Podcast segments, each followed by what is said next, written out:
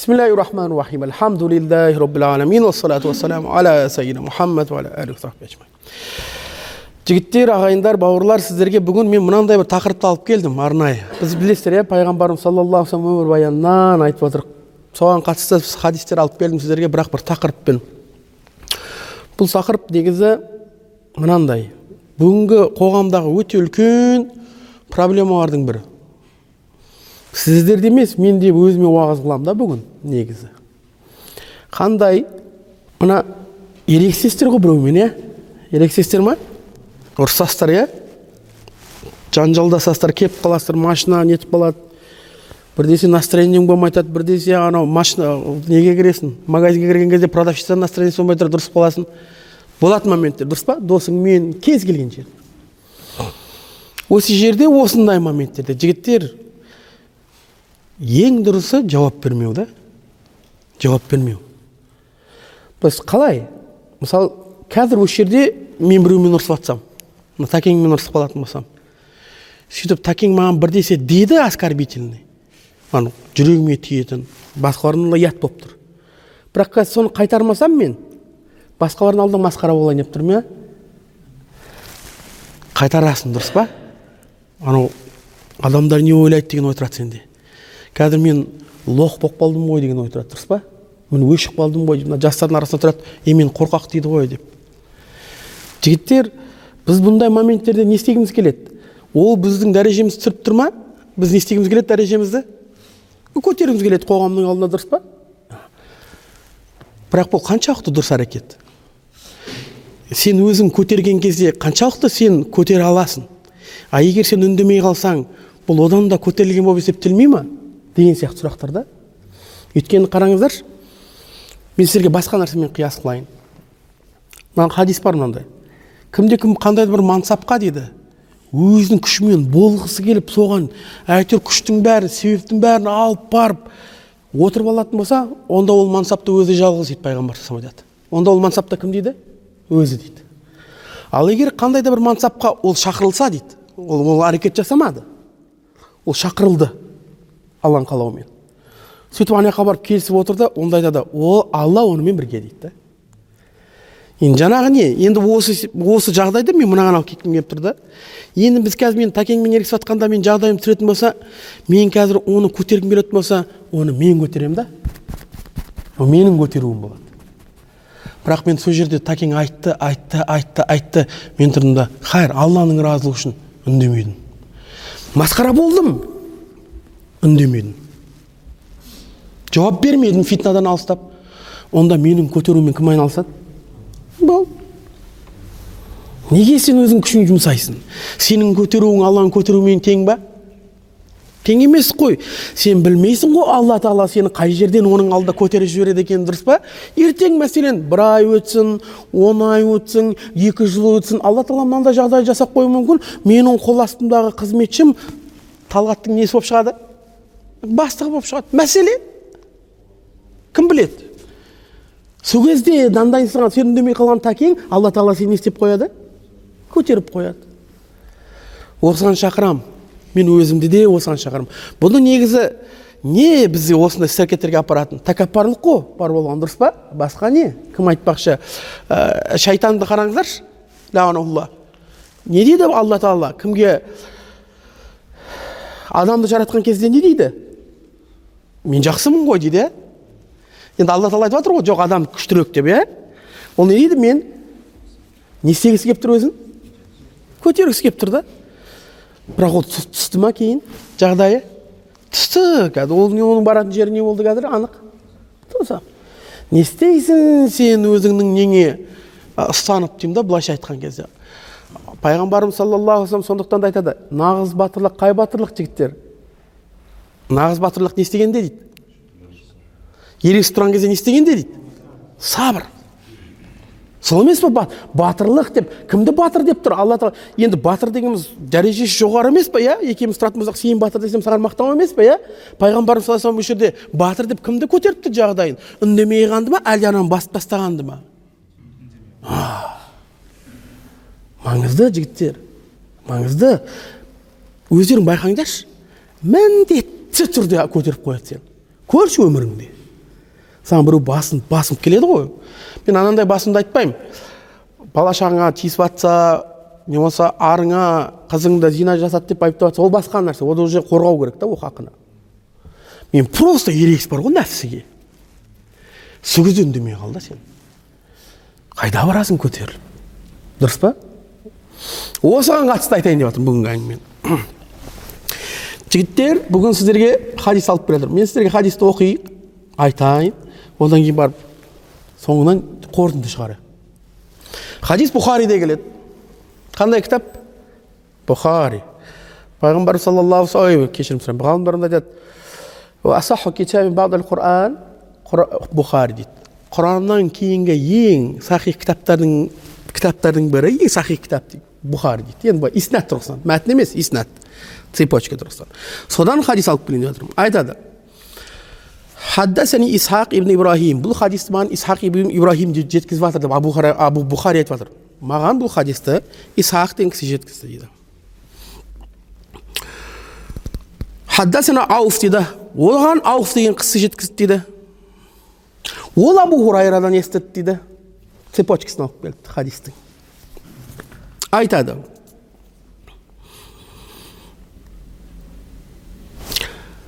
Қола расул саллаллаху алейхи пайғамбарымыз саллаллаху алейхи вассалам айтты дейді инна муса кана ражулан хаййиян ситтирон ла юро мин жилдихи шейун истихяан минху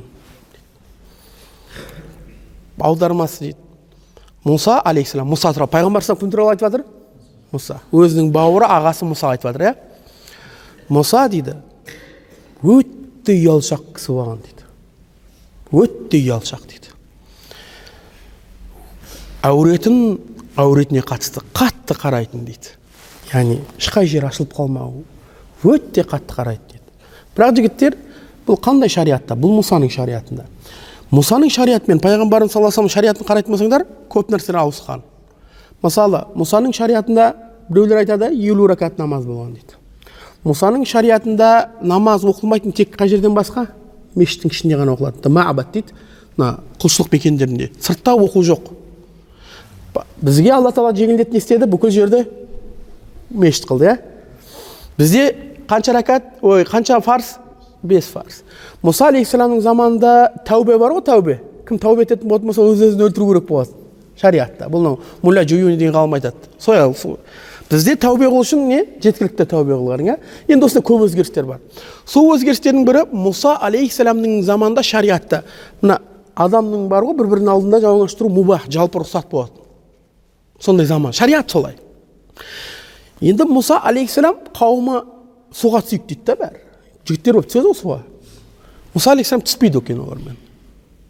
Былайша айтқанда қазіргі уақытта жігіттер бар ғой баняға барайық дейтін. Бармайтын жігіттер бар ма араларыңда мен бармаймын деп. Неге деген кезде енді ол бірдесе ұялып тұр да ол. Не әйтпесе либо шариат тұрғысынан либо басқа тұрғысынан. Қандай тұрғысынан не бармауы мүмкін ондай жігіттер? Кім айтады? Неге бір топ жігітпен постоянно біреу бармайды мысалы? Неден? Шариғат тұрғысынан ұялатын жарайды біреу. Басқа тағы қандай ұялу бар? Денесінен? А а неден ұялады? Кемшіліктен иә? Дұрыс па?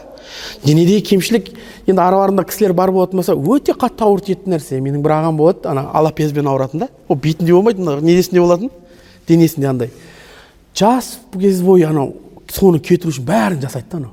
Күнде бір не табады вариант. Ананы жағатын содан байқап білемін да мен негізі.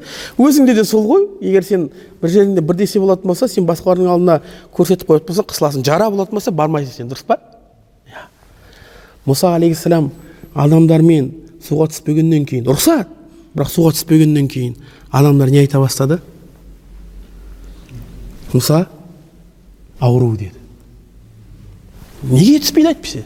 Тәке мәселен дұрыс па? Неге түспейді? Рұқсат. Қандай түспейді? Неге? Не себеп түспеуіне дейді. Ауру дейді. Ауру болғаннан кейін түспей жүр дейді. Сөйтіп адамдар айта бастайды.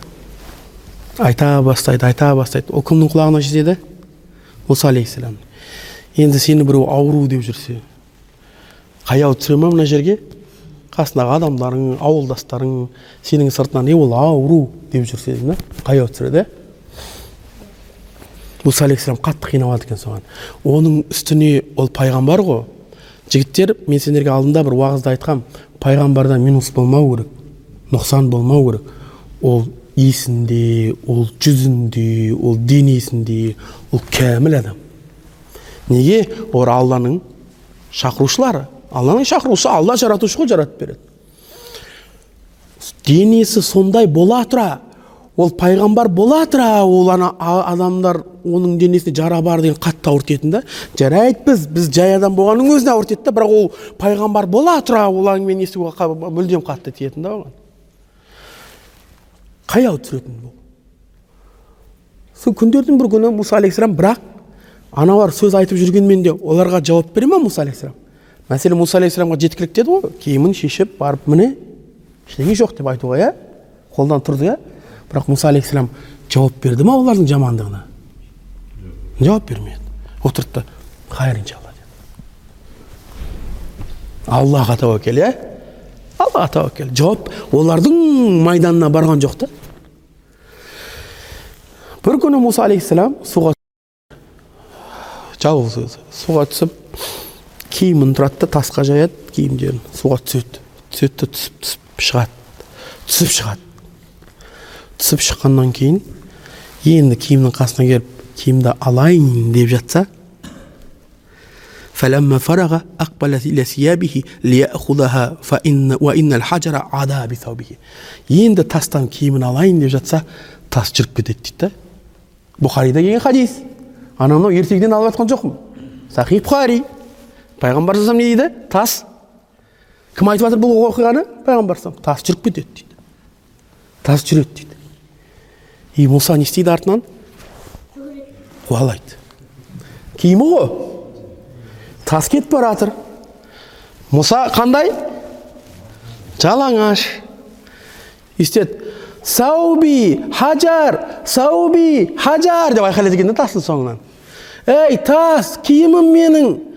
Ей тас киімім менің! деп жүгіреді екен да. Бұның бәрі бекер емес. Мен сіздерге айтайын. Қараңыздар мысалы өткенде умрада жүріп неде иә адам көп болған жерде бір оқиға орын алып қалса бір хайвай болып қалса бір өрт жатса оны неден білесіз қоғам ішінде жүрген кезде? Неден білесіздер? Мысалы сіз жүрсіз. Біреу бірсе болған кезде оны неден білесіз? Айқай шу шығады иә сразу а басқаша звук шықса болды ғой сен қарайсың дұрыс па? Сол бірінші мен бірінші беретін белгі дұрыс. Енді мұса алейхисалам не деп айқайлап бара жатыр ей тас! Алла тағала айтқызып қояды да. Не үшін? Адамдар алаңдау үшін. Не болып жатыр мұнда? Не болып бұл не хайвай деу үшін да әңгіменің бәрі? Алла тағала өз мақсатын орындап жатыр ма тас жүріп бара жатыр айқайлап бара жатыр айқай нені шақырып жатыр адамның бәрін? Внимание шақырып жатыр енді адамдар тас тоқтады дейді.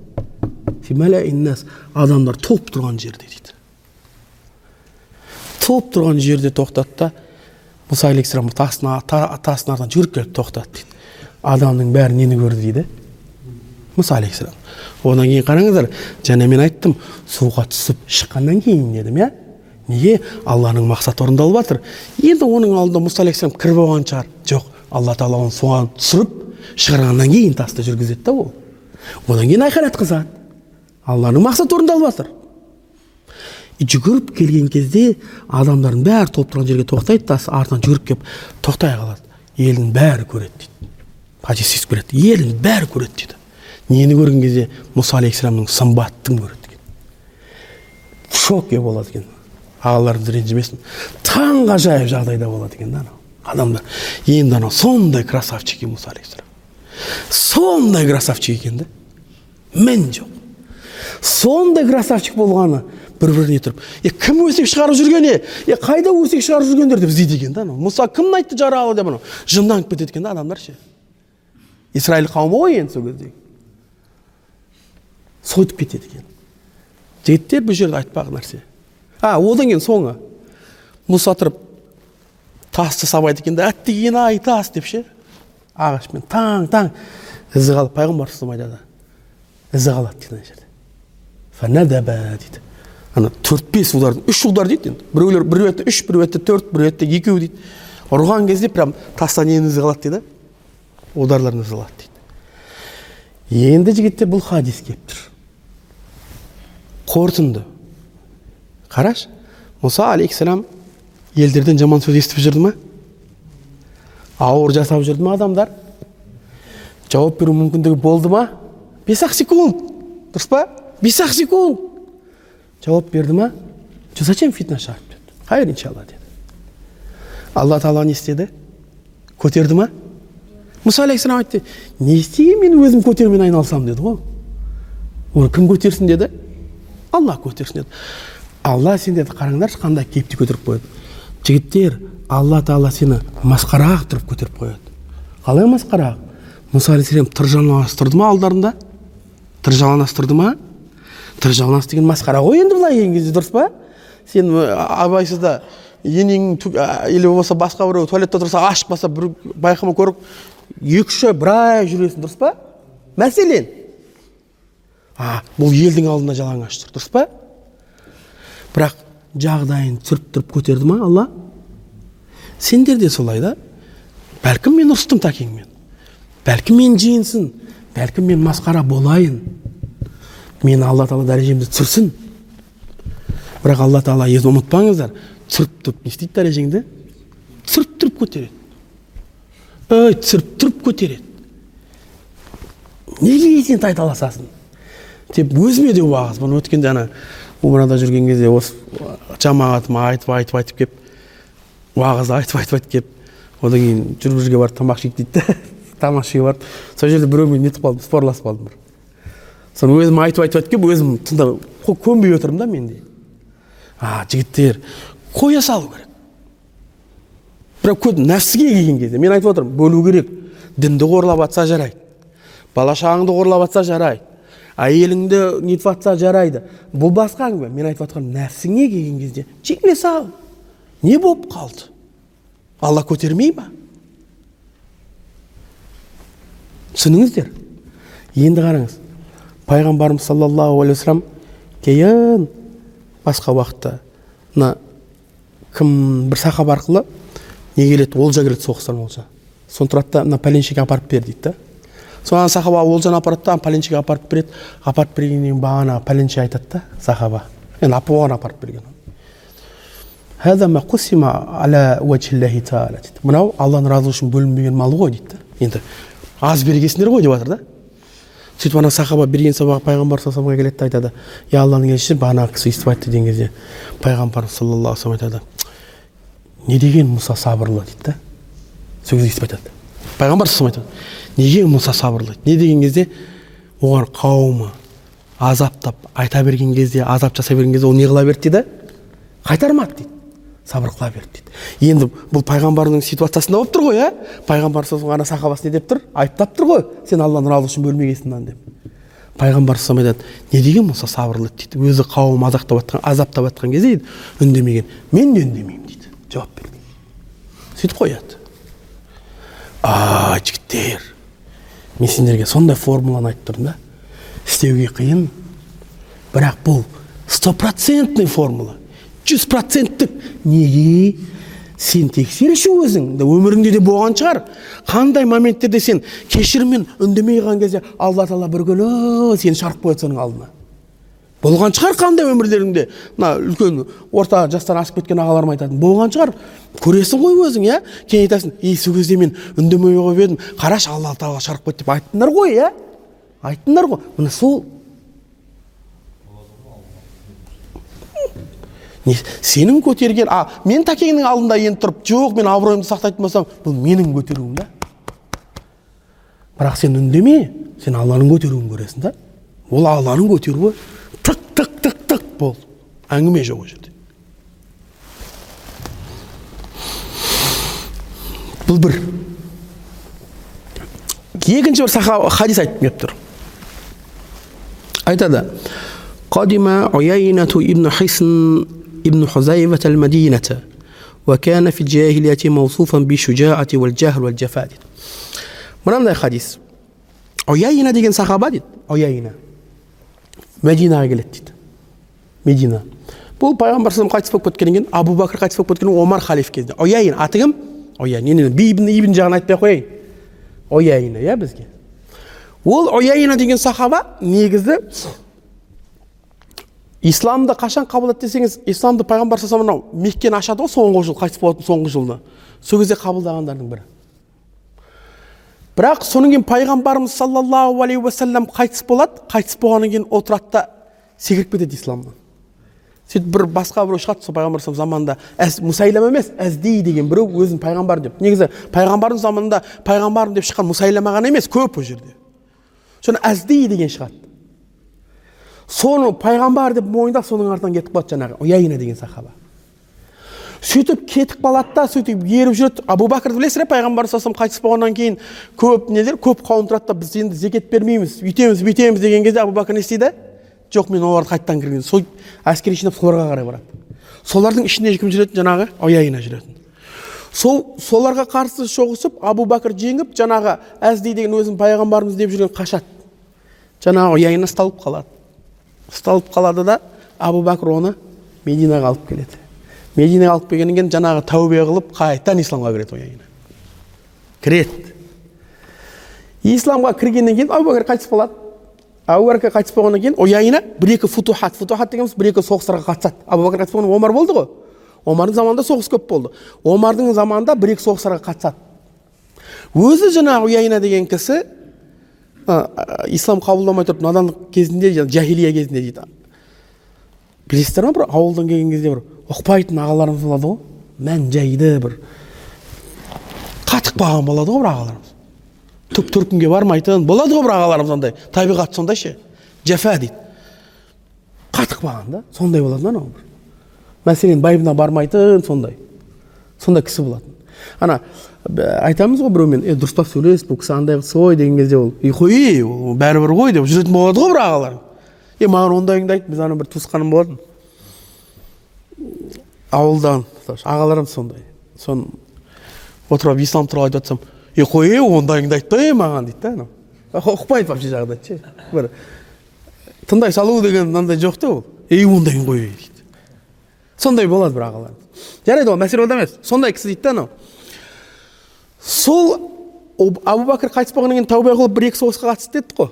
Сөйтіп соғыста қатысып жүреді да содан кейін бір күні ол ояйна мединаға келеді. Омар халиф.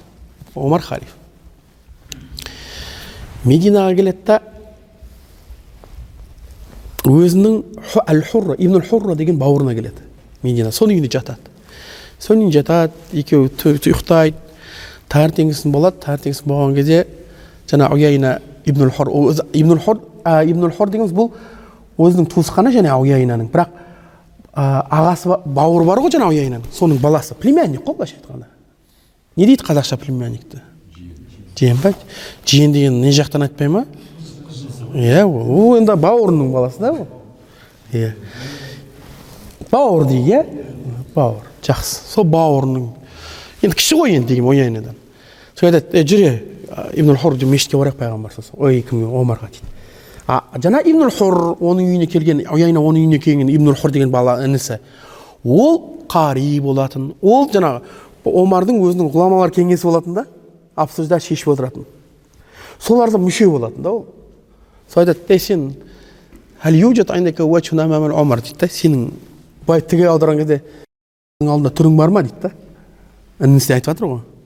Енді айтады да ғұламалар кеңесіне иә бар не болды кіргізе аласың ба мені? дейді да оған омардың алдына дейді. Енді отырады да жарайды кіргізейін дейді. Сосын кіреді. И кіріп алады да бағана ояйна ғой исламды өзі кеш қабылдаған бір рет шығып келген исламнан. Оның алдында қатып қалған кісі деп. Омарға тұрып айтады дейді ғой. Е омар сен вообще дұрыс бөлмейсің ана не бөледі ғой тоже ақша ғой әңгіменің бәрі. Нені бөлген кезде дейді. Дұрыс бөлмейсің дейді да омарға айтып тұр омарды білесіздер? Хамма бихи дейді да хадисте сөйтіп береді хамма бихи дегеніміз кейін тәпсірде алып келеді имам хажар асқалани дегендер не деген кезде омар ананы талдырайын деді дейді да талдырайын деді дейді да ананы естіп омардың тұр бұзылып талдырайын деп жатқан кезде ана бауыры жүр қалып келген ғұламалар кеңесіндегі сол атып тұрады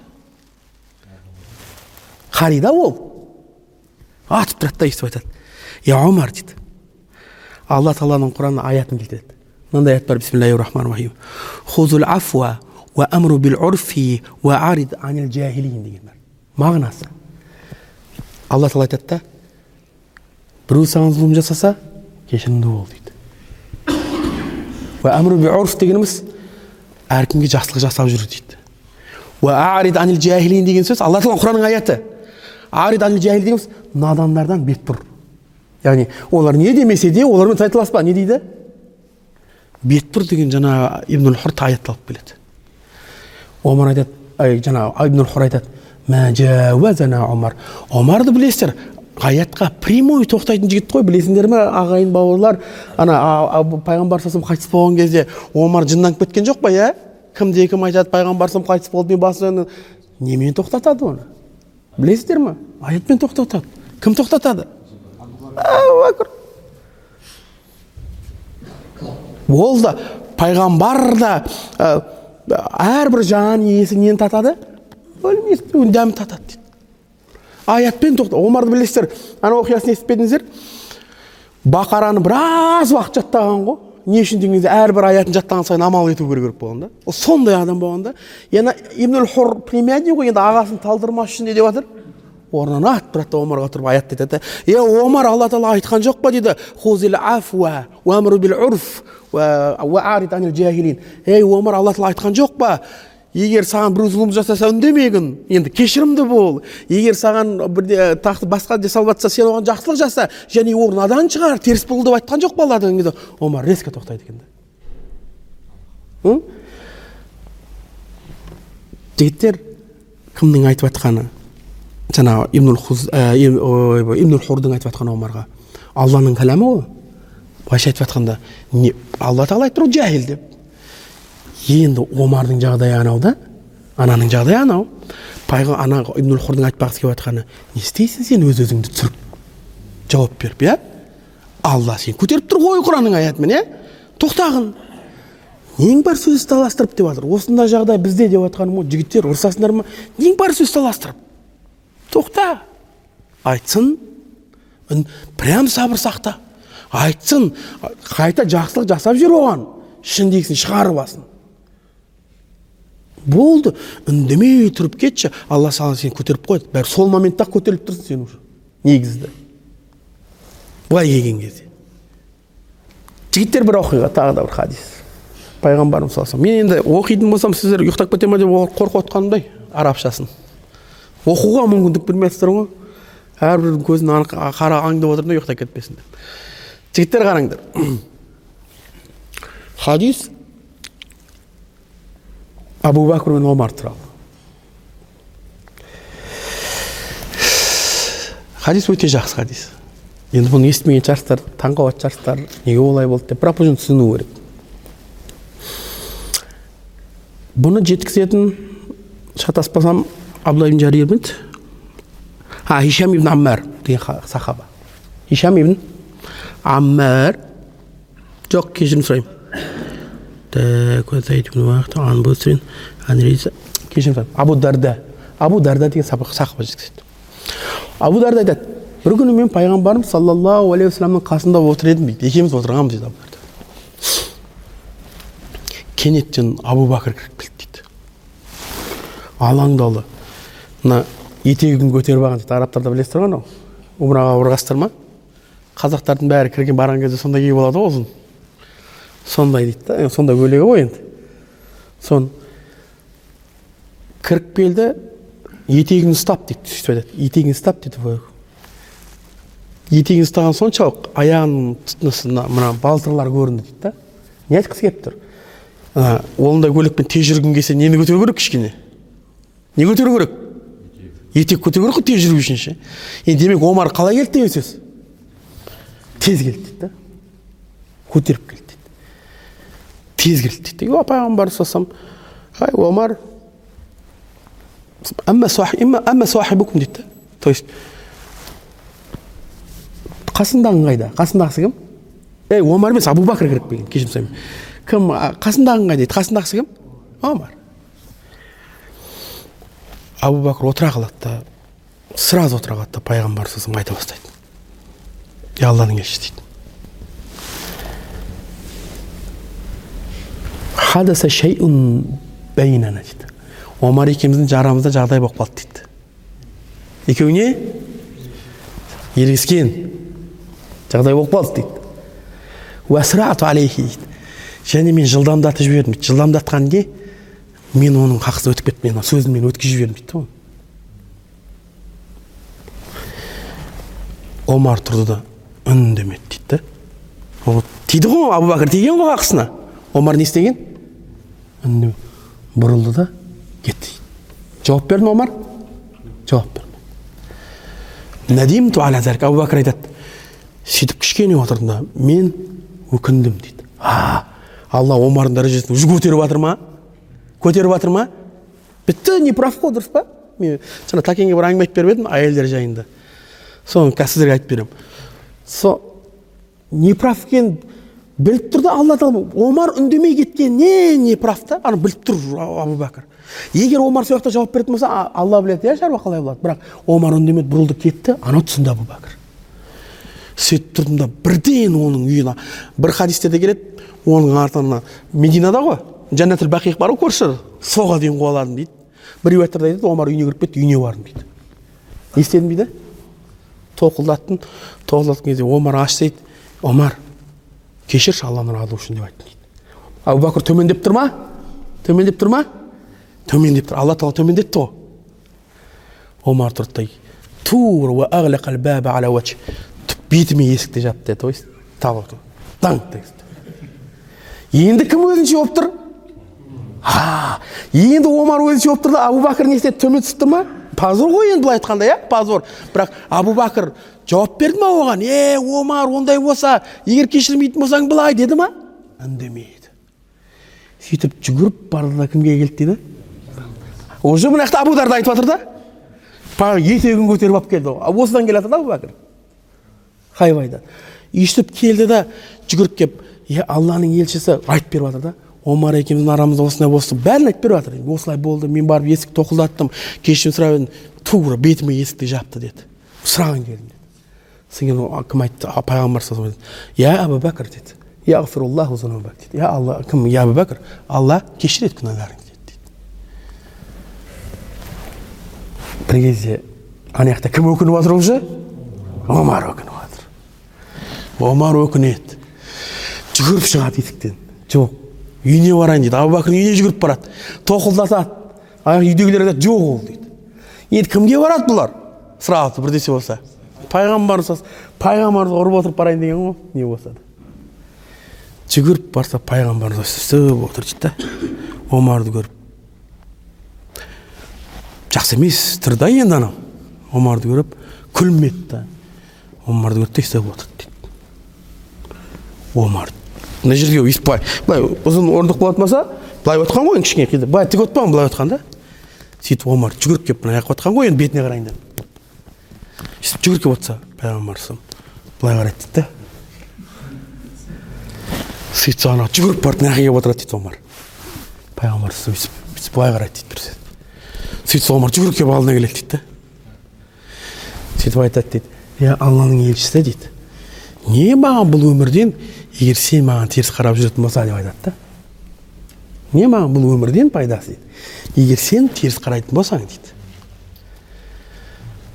Енді айтып жатыр да мүмкін саған мен туралы келіп біреу бірдесе айтып жіберген шығар деді да омар. Сол кезде пайғамбарымыз саллаллаху алейхи айтады ей омар саған абу бәкір келіп кешірім сұрап тұрса неге қабыл алмайсың кешірім дейді да келіп тұр дейді да. Тәрбие ғой пайғамбар тәрбиелеп жатыр да. Келіп тұр саған деп. Уже жігіттер бағана кім өзінше болған последний разында? Демек қазір кімнің дәрежесі көтеріліп тұр? Жігіт жауап бермеңдерші. Қандай да бір ұрыс болып жатыр ма? Жауап бермеңдер. Көтеріп қояды алла тағала дәрежеңді. Уайымдама. Үндемей қойшы. Бол. Қыздар қарап тұрса да кім қарап тұрса да нәпсіңе қатысты әңгіме ма? Дінге неге қатысы жоқ әңгіме ма? Үндемей сал болды. Көтереді алла тағала дәрежеңді сөйтіп анау омар айт пайғамбар салам айтып жатыр омар неге кешірмейсің? Не болып қалды соншама? Дейді да. Сөйтіп омар айтады иә алланың елшісі дейді. Егер мен әбу бәкірді кешірмейтін болсам дейді. Мен несіне омармын? Енді сондай сөз айтады да мен қалайша әбу бәкір и әбу бәкір мына жерден резко атып тұрады да пайғамбар өзі тізеге отырады тізеге отырады да иә алланың елшісі омарды защищать ете бастайды да. Омар енді мына жақта төмен түсіп жатыр ғой енді. Енді әбу бәкір да төмен төмен түсуде жарысып жатыр ғой короче резко тізеге отырады да иә алланың елшісі мен ғой кінәлі негізі дейді да. Ол басында әбу бәкір айтты иә мен сөйлеп қой мен ғой кінәлі негізі мен ғой кінәлі деп әбу бәкір одан сайын төмен түседі да. Енді кім последний төмен түсті соның жағдайы көтерілейін деп тұр ғой. Сөйтсе пайғамбарымыз саллаллаху алейhi кімге тұрады да омарға отырады да е омар дейді.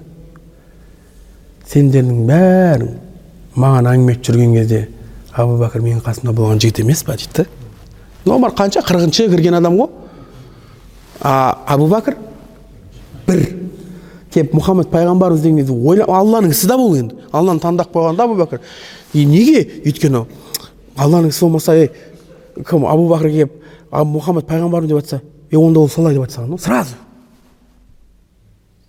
алланың ісі да сразу айтқан адам ғой. Соны айтады да е омар дейді. Бұл абу бәкір сендер мені азаптап сендер маған әңгіме айтып жүрген абу бәкір кіммен болған кісі дейді? Менімен жүрген кісі ғой дейді. Ей науаси дейді. Ей ол менің дәрежемдегі адам ғой дейді да. Менің теңім дейді да.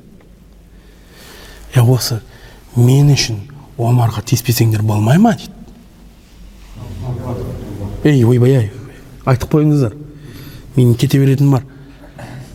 Мен үшін кімге тиіспесеңдер болмай ма дейді? Әбу бәкір дейді. Мен пайғамбар салам айтады мен үшін тиіспей ақ қойыңдаршы соған дейді. Жігіттер қорытынды. Қараңыздаршы қалай ойнайды иә? Сен төмен болған сайын сенің дағдаң көтеріле береді. Сен төмен болдың көтеріледі. Төмен болдың көтеріледі. Сондықтан бекер сен әуреленесің нәрсеге который сен аллаға тапсырсаң алланың көтергені жақсырақ.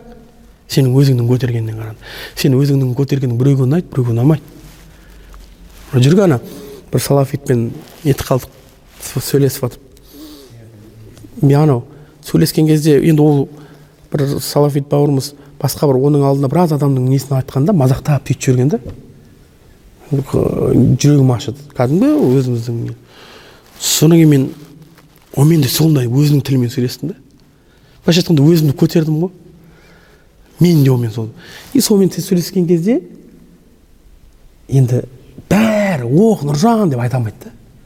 Неге? Өйткені мен өзім көтерумен айналыстым. Біреулер нұржан ұнайды біреулерге нұржан ұнамайды. Болды. Сондықтан жігіттер егер қандай да момент тұра ма үндемей қалғын. Хайыр иншалла алла тағала өзі көтеріп тауып шығады сендерді. Осы хадистің соңында айтады омар айтады.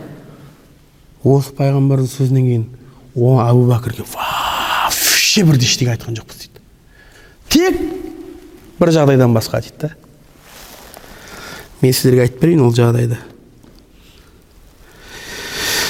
فقال يا رسول الله إن كنت بعثني إليكم فقلتم فكذبت قال أبو بكر صدقت وثاني جدا اللهم زد فاطمة وقال أبي بكر مع ربيعة ربيعة ابن جعفر деген кісі бар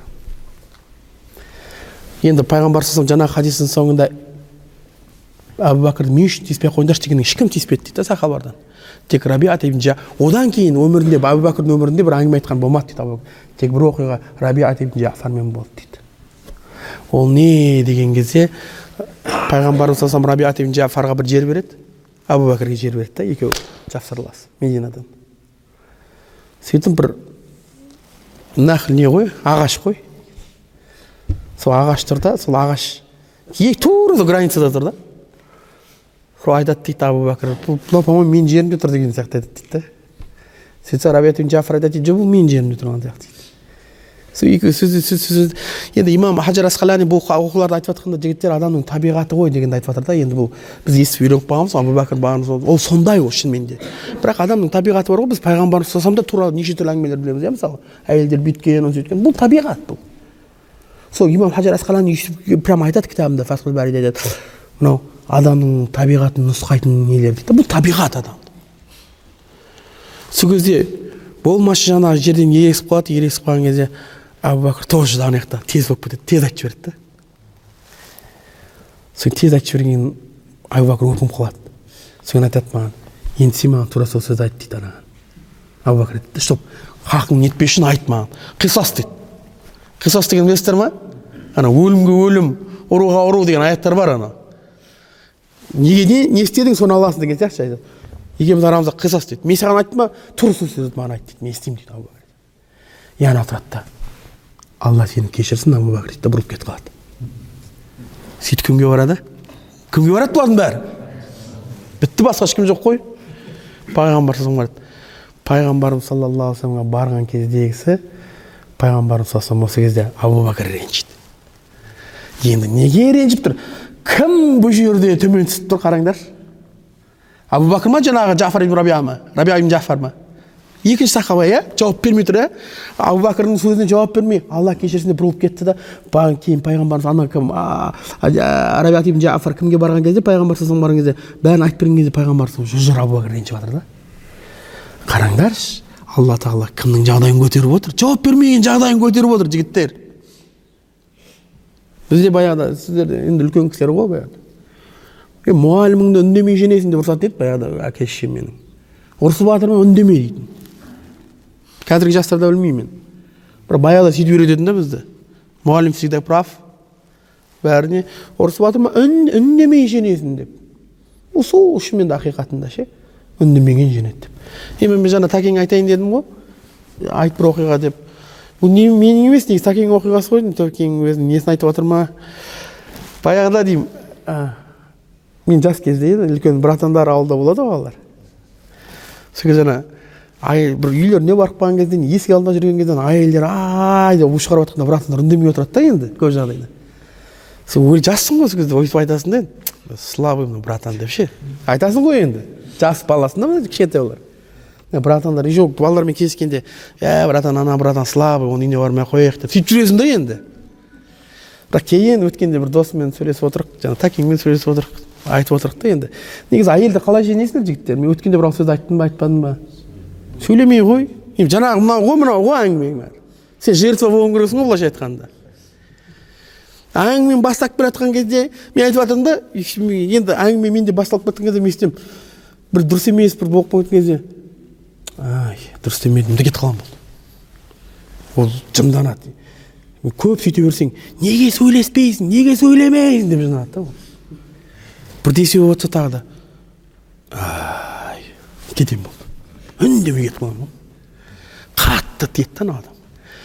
Сөйтсем анау братандар сөйтіп жүр екен ғой анау әйелдер айқайлап жатқан кезде олар үндемей отыр екен да олар. Негізі да а біз оны слабый сөйтіп мен өзім істей бастадық қой кейін түсініп. Мен айтамын да кейінгі інілеріміз көретін болса мына братан слабый екен ғой деп айтамын деп сол жігіттер негізі көп жағдайда үндемеген женеді ғой. Үндемеген женеді. Одан кейін өзің күнәға бармайсың. Одан кейін ә, жаңағы егер онымен ұрысатын болатын болсаң көп жағдайда соның теңінде жүресің дұрыс па? Соның айналасында жүресің. Мына жерден бір хадистерім бар тағы да айтатын енді мұны келесі неге қалдырайық? Қанша уақыт отырдық қой деймін иә? Бір сағат па ойбай ай жақсы альхамдулилля негізі алламен ниеттеніп бір айтып келейін деп ниеттеніп келгенмін алла тағала ниетімізді қабыл етсін иншалла иә бір сабақ болар деп ойлаймын сөйтіңіздер иншалла көреміз ертең сіздердің бір үндемей қалғандарыңыз бір соғыс ал ислам үшін бір джихад бір бірдесе сондай моменттер болған кезде көреміз сол кезде қалай үндемей қаласыздар ма сөйлейсіңдер ма деп мынандай нәпсі үшін не болды қой пайғамбар батыр деп тұрған жоқ па сені кейде көршімен ұрысып жатасың иә кейде көрші мына әйелің ұрысып жатады әйелің біреусімен и ана еркекпен еркек шығып алады бір кезде иә баяғыда менің әкелерім менің есімде жоқ та мәселен менің әкем мамамен қосылып басқа біреудің әкесі менің әкем сразу әйелімді сүйрейді мамамды сүйрейтін да кір деп солай болатын да әңгіме кір дейтін а қазір қалай қазір әйел мен әйел ұрысып жатса күйеуі шығады да анамен ұрысады ананың күйеуі шығады иә сондай болып кеткен да ағаларымыз білетін шығар баяғыда солай болатын баяғыда біз ана қазір інілерім бар негізі мәселен өзінің балалары мен әке шешемнің көзінше өй жаным папасы мамасы отырады ғой өзі де отырады ана өзінің баласын мен әке шешемнің көзінше баламды еркелетуге ұяламын танымайтын адам сияқты отырамыз ғой балам екеуміз папа мама танымайсың ана әдеп та енді ол сен балаңды өй өй өй жаным менің күнім деп әке шешеңнің алдында отырсаң енді бір сондай қалыптасып қалған ба сондай да ол баяғыдан солай келе жатқан дүние сондықтан сондай әдептер болу керек деп ойлаймын қазақтың негізі жасаған нәрселері көптеген нәрсесі жалпы шариғаттың сыртындағы әдеп тұр сырт емес даже шариғаттың іші сәйкес келетін әдеп өте таптырмайтын дүние жігіттер мына шетелге шығып жүргендер болатын болсаңдар ойбай ай ойбай қазақтардың даналы бар ғой ойбай ай таң қаласың шариғатқа сай еще соған таң қаласың ана кеше неге барып жатырмын умрада жүріп мұlla али қари деген ғалым бар иршаду сәри деген кітабы бар хашиясы. Манасикул әлубабул манасик пе иә сондай кітап. Тужрист жазған да.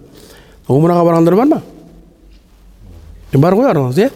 Умраға барсаңыздар медина қаласында мына ухуд деген тау бар соның қасына ухудта қайтыс болған сахабалар бар бір жеңгелер білесіз ба хамзаның мешіті бар сияқты сол ғалымымыз айтады мұlla али қари пайғамбарымыздың қаласына келгеннен кейін деп мынандай мынандай әдептерді айтады да солардың біреусі айтады мына ухуд соғысында қайтыс болған қайтыс қайтыс болған қабірді зиярат қылу дейді. Мұстахаб қай уақытта дегеніңізде мұстахаб бейсенбі күні таңертеңгісін дейді да. Бізде қарашы бізде анамыз тұрып бейсенбілік таң жеті шелпектен пісіре ма жалпы өлі қайтыс болған адамдарға деп. Мен де пісіретін мен. Сол үкімді оқимын да мен айтамын бейсенбі деген неден қалып қалған? деймін да. Ана ғалымымыз айтады да мына мұстахаб дейді. Бұрынғы ескі классикалық кітап қой. Мұстахаб дейді. Четверг күні дейді. Түске дейін таңғы уақыт қой. Таңғы уақыт сол қайтыс болғандарды зиярат қылу дейді. Енді қайтыс болған адамдарға қатысты ғой әңгіме. Бізде неге бейсенбілік анау? Ей үй шығарып қой дейді ғой. Бейсенбі күні таңертеңгісін қайтқан. Қара.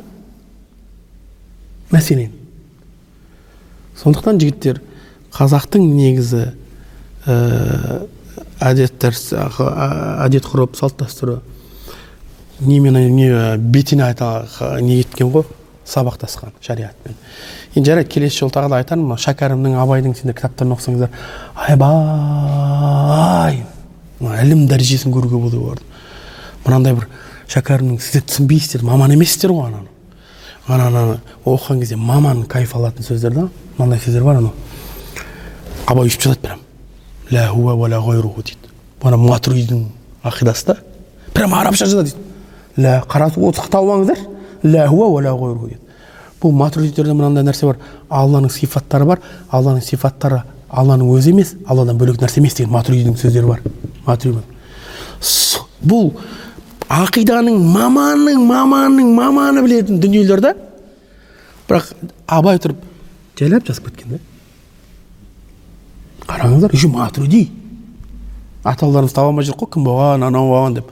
Таза матруди болған ғой тап таза матридтер болған. Жақсы құрметті жаман. Алла тағала бүгінгі жиында отырған ә, естіген уағызымызға сөздерімізге амал етуімізді нәсіп етсін иншалла. Иә. Алла тағала бұл жерде бұл жиында өтірікті әдейі әдейі емес айтып қойған болатын болсақ алла кешірсін бізді иншалла. Алла тағала құлшылықтарымызды қабыл етсін. Алла тағала алла тағала біліп те білмей жасаған күнә кемшіліктеріміз болатын болса болашақтағы өткендегі я раббым өзіңнің ғафар сипатымен кешіре көр аллахым бізді ықыласты қыла көр я аллахым бізді ықыласты қыла көр дінде я аллахым рия емес ықыласты қыла көр я раббым аллахума салли вассалим аля сайын мұхаммад алла